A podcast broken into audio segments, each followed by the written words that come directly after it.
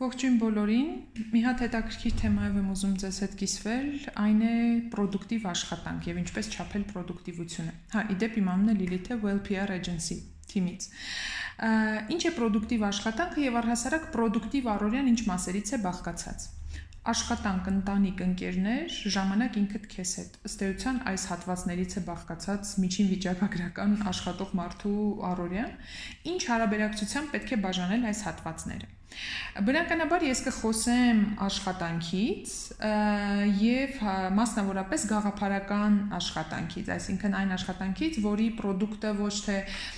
ֆիզիկական ինչ որ ապրանք է, ասենք, չգիտեմ, ոչ թե պահածոների գործարանում ենք աշխատում, այլ գաղափարներ են գեներացնում եւ ինչպես ստեղծագործական աշխատանքում չափել պրոդուկտիվությունը Սա բավականին բարդ հարց է եւ մեր թիմը ժամանակ առ ժամանակ վերադառնում է այս հարցին, կարծում եմ բոլոր այն թիմերը, ովքեր ստեղծագործական ու մտավոր աշխատանքի հետ գործ ունեն, նույնպես բարբերաբար առնչվում են այս հարցի հետ ինչպես չափել դա, որ թե որքանով ենք մենք պրոդուկտիվ եւ առանձնացրել եմ մի քանի կետեր, որոնք իմ կարծիքով կարեւոր են այս հարցի պատասխանը, եթե փնտրում եք ձեզ համար։ Ամ այսպես ասած կիսվեմ մեր բաղադրատոմսով, որը որը գուցե կօգնի նաև ձեզ կամ մտածելու թեմա կտա։ Նախ առաջին, այսպես բնականաբար պատրաստվել եմ ոդքասթին եւ կետերով առանձնացրել եմ, որպեսզի որևէ բան բաց չթողնեմ։ Առաջինը կարծում ենք, որ շեշտը պետք է դնել ոչ թե համակարգչի դիմաց անցկացրած ժամերի, այլ պահպանված դեդլայնների վրա։ Մենք մեր փորձից ելնելով հասկացանք, որ սա լավագույնս աշխատող մեթոդն է, այսինքն քանի դեռ դու պահում ես դեդլայնը, համարվում է, որ պրոդուկտիվ ես եւ ըստ էության դա տրամաբանության մեջ տեղավորվում է Երկրորդը self control կոչվածն է, այսինքն որը ըստ էության կապված է առաջին կետի հետ, ինքդ քո առօրյան, քո աշխատանքը, քո հանձնարարությունները, task-երը կազմակերպելու եւ պատասխանատու լինելու կարողությունը, ինչը թվում է թե այսպես շատ հեշտ է հնչում, բայց բավականին բարդ հատկանիշ է, որը պետք է կարողանալ ժամանակի ընթացքում ձևավորել եւ անznային ու մասնագիտական որակների, կարծում եմ յուրաքանչյուր մարդու մեծ մասը պետք է կազմի պատասխանատու եւ ինքնուրույն լինելը եւ self control-ը։ Մյուս կետը որը էլի կետերը մեկը մյուսից են բխում, գոյություն ունի ժամանակակից մոտեցմամբ եւ հատկապես ստեղծագործական ու մտավոր աշխատանք իրականացնող թիմերի համար, կարծում եմ գոյություն պետք է ունենա ոչ թե հիերարխիկ մոդելը, այլ բոլորը պատասխանատու են բոլորի արժեվ մոտեցումը Մեր թիմում փորձում ենք դա կիրառել, այսինքն մենք բոլորս պատասխանատու ենք մեր աշխատանքի համար եւ հաշվետու չենք որևէ մեկին։ Եվ փորձում ենք յուրաքանչյուրս պահել պահել մեր դեդլայնը, հավատացնում եմ, որ շատ սահուն կերպով աշխատանքը այդպես առաջ է գնում։ Մյուսը վերադառնալով գաղափարներին, քանի որ մեր հիմնական պրոդուկտիվության չափման հիմնական չափորոշիչը գաղափարներ, հա, գաղափարները հաջողված են, եթե դրանք լուծում են խնդիրները։ Այսինքն, եթե գաղափարը ուղակի սիրուն գաղափար է, ոչ ոքի այն պետք չէ, որովհետև մեր ոլորտում, PR-ի ոլորտում, բրենդինգի, մարքեթինգի մենք գաղափարներով խնդիրներ ենք լուծում։ Ես յուրաքանչյուր կետի շուրջ շատ չեմ վերլուծում, ուղակի տալիս եմ կետերը մտածելու համար։ Մյուսը, պարապ ժամանակն անհրաժեշտ է իրականում, զարմանալի գուցե թվա, բայց հավատացնում եմ ձեզ, որ թիմերին երբեմն անհրաժեշտ է պարապ ժամանակ, որովհետև հենց այդ ժամանակ են ծնվում ամենակրեատիվ ու հետաքրքիր ու փախած մտքերը։ Սա էլ էսպես թողնեմ։ Մյուսը, քո գաղափարները ոչ ոքի պետք չեն, եթե դու չգիտես դրանք իրագործելու ճանապարհը Սա շատ հետաքրքիր խնդիր է, որ էլի ժամանակի ընթացքում բախվեցինք ու մտածեցինք, վերլուծեցինք ու հասկացանք, որ գաղափար նշանակում է նաև իրագործման ռազմավարություն, որովհետև շատ հաճախ գաղափարը քո մտքի մեջ կարող է շատ սիրուն թվալ, բայց եթե դու չգիտես ինչպես դա կյանքի կոչել, այդ գաղափարը ուղղակի կտապալվի։ Գաղափար պլյուս իրագործման ճանապարհ։ Մյուսը կյանքի ֆիլմերի ու գրքերի մասին խոսելը թիմերի համար շատ կարևոր է, ցանկացած թիմի համար, այսինքն կարճ ընդհանուր առմամբ ասած, ընդհանուր թեմաներ կիսելը, ոչ աշխատանքային թեմաներից միասին քննարկումներ անելը շատ հաճախ օգնում են էլի ամենաթույն ու կրեատիվ գաղափարները ստեղծել Մյուս կետը, որը ըստ էության մի փոքր կապված է առաջին կետի հետ, անցել են այն ժամանակները, երբ ֆիզիկական ներկայությունը պարտադիր պայման է աշխատելու համար։ իսկապես կարելի է աշխատել այսպես անգլերեն բառը remote մոդելով, այսինքն յուրաքանչյուրը իր համար հաճելի միջավայրում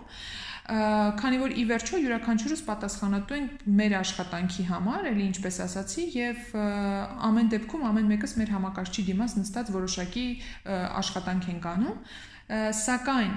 միասին միևնույն տարածքը կիսելը հատկապես անհրաժեշտ է գաղափարներ գեներացնելու համար։ Ես կխնդրեմ, որ յուրաքանչյուրդ որ որտեղ էլ որ աշխատում եք, հիմա եթե լսում եք այս ոդքասթը, փորձեք հիշել, թե ձեր թիմակիցների հետ դուք հիմնականում որ դեպքում եք կոմունիկացիայի դուրս գալիս։ Դրանք շատ հաճախ մեծ մասը, այսպես ասած, 80% դրանց ընդհանրապես 20%-ն է վերաբերվում ինչ որ տեխնիկական հարցերի, իսկ ուր է այս ֆայլը, իսկ երբ է ուղարկելու այնինչ տեքստը եւ այլն 80%-ը դրանց կազմում է քննարկումներ լրիվ այլ այլ թեմաներով իսկ եթե դա մենք բերենք որպես օրինաչափ բերենք օրինաչափության դաշտ եւ թիմերը գիտակցեն որ դա եւս աշխատանքի մի մաս է եւ հանգիստ իր, իրար մեջ կոմունիկացիան տանեն խոսելով ֆիլմերի, գրքերի, տարբեր թեմաների մասին շատ հաճախ այդ այդ ժամանակ իրենք կարողանան նաև ֆիքսել, որ իրենք հետաքրքիր գաղափարներ են գեներացում նաև աշխատանքի հետ կապված։ Սա շատ հետաքրքիր հոգեբանական պահ է, որ ես համենայն դեպս իմ դիտարկմամբ Հայաստանում քիչ-քիչ սկսում է զարգանալ այս մոտեցումը Մյուսը, այս կետի վրա մի քիչ շատ կանգնեցի, աշխատանքը չպետք է լինի միակ բանը, որով հագեցած է քո առօրյան, առհասարակ, քանի որ կյանքը ավելին է, քան աշխատանքը։ Մի հատ գիրք կար, որը բավականին մեծ աղմուկ հանեց էլի PR-ի արդյունքում, որը ռուսերեն տարբերակնել բավականին հետաքրքիր է Տոնկա իսկուստվա պոֆիգիզմը կամ էլ հայերեն թքած ունենալու նուրբ արվեստը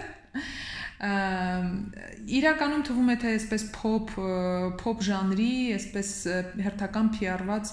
գիրքն է, բայց ես ինքս կարդացել եմ ու ինձ բավականին դերևս Հայաստանում չէր հրատարակվել, ռուսերեն տարբերակն էի կարդացել ու բավականին հետաքրքիր խորհուրդներ կան առհասարակ, որոնք կարելի է կիրառել թե կյանքում, թե աշխատանքում եւ հասկացա, որ միայն թքած ունենալու նուրբ արվեստը կիրառելով լավ իմաստով հնարավոր է հաջողության հասնել ցանկացած ոլորտում, այսինքն ֆանատիկ կարիերի կարիերիզմը եւ ֆանատիկ մոտեցումները երբեք հաջողության չեն բերում ու այստեղ մի հատ էլ հղում անեմ մի հատ ֆիլմի, որը ինձ համար համար ի այսպես ի ամոթ չեն ասում որը այսպես ես բացահայտեցի ամրան այս վերջին 1 ամսվա ընթացքում Գահերի խաղը ֆիլմի մասին է խոսքը։ Սոֆին եւ Լուսինեն մեր թիմից տարիներ շարունակ նայում, այսպես եւ սիրում էին ֆիլմը եւ ինձ խորհուրդ տվեցին նայել ու շնորհակալ եմ իրենց դրա համար։ Ես 1 ամսվա մեջ նայեցի բոլոր 8 սեզոնները եւ դա ինձ համար ֆենոմենի ժանրից մի բան էր, որովհետեւ ես ինքս այդքան չեմ սիրում սերիալներ, բայց ինչն էր խնդիրը, որ այնտեղ էլ հա հղում անելով, որ ֆանատիկ կարիերիստները, ինչպիսին թագուհիներն էին, հա Դեյներիսը եւ Սերսեան ինքնաոչնչացվում են։ Շատ շատ բանական, շատ տարօրինակ միգուցե բան եմ ասում, բայց նույնը նաև կյանքում է այդպես, ֆանատիզմը երբեք հաջողության չի բերում եւ վերջին կետը, որ առանձնացրել եմ, դա հաջողությունները տոնելու կարողությունն է թիմերում։ Դա մեր առօրյան ավելի հավես ու հետաքրքիր է դարձնում եւ մենք կարողանում ենք ֆիքսել այն հաջողությունները, որոնց հասնում ենք, որը մեզ մոտիվացնում է ավելին կերտելու, ավելի ստեղծագործելու, ավելի հետաքրքիր գաղափարներ ունենալու։ Եվ թերևս այսքանը, դիտեք ֆիլմեր, գնացեք քաղաքից դուրս թիմով, միասին սուրճ խմեք, ապրեք առօրյան, աշխատանքային առօրյան եւ ոչ թե այդ առօրյան սպանեք աշխատանքի միջոցով։ Այսքանը առայժմ։ Thank you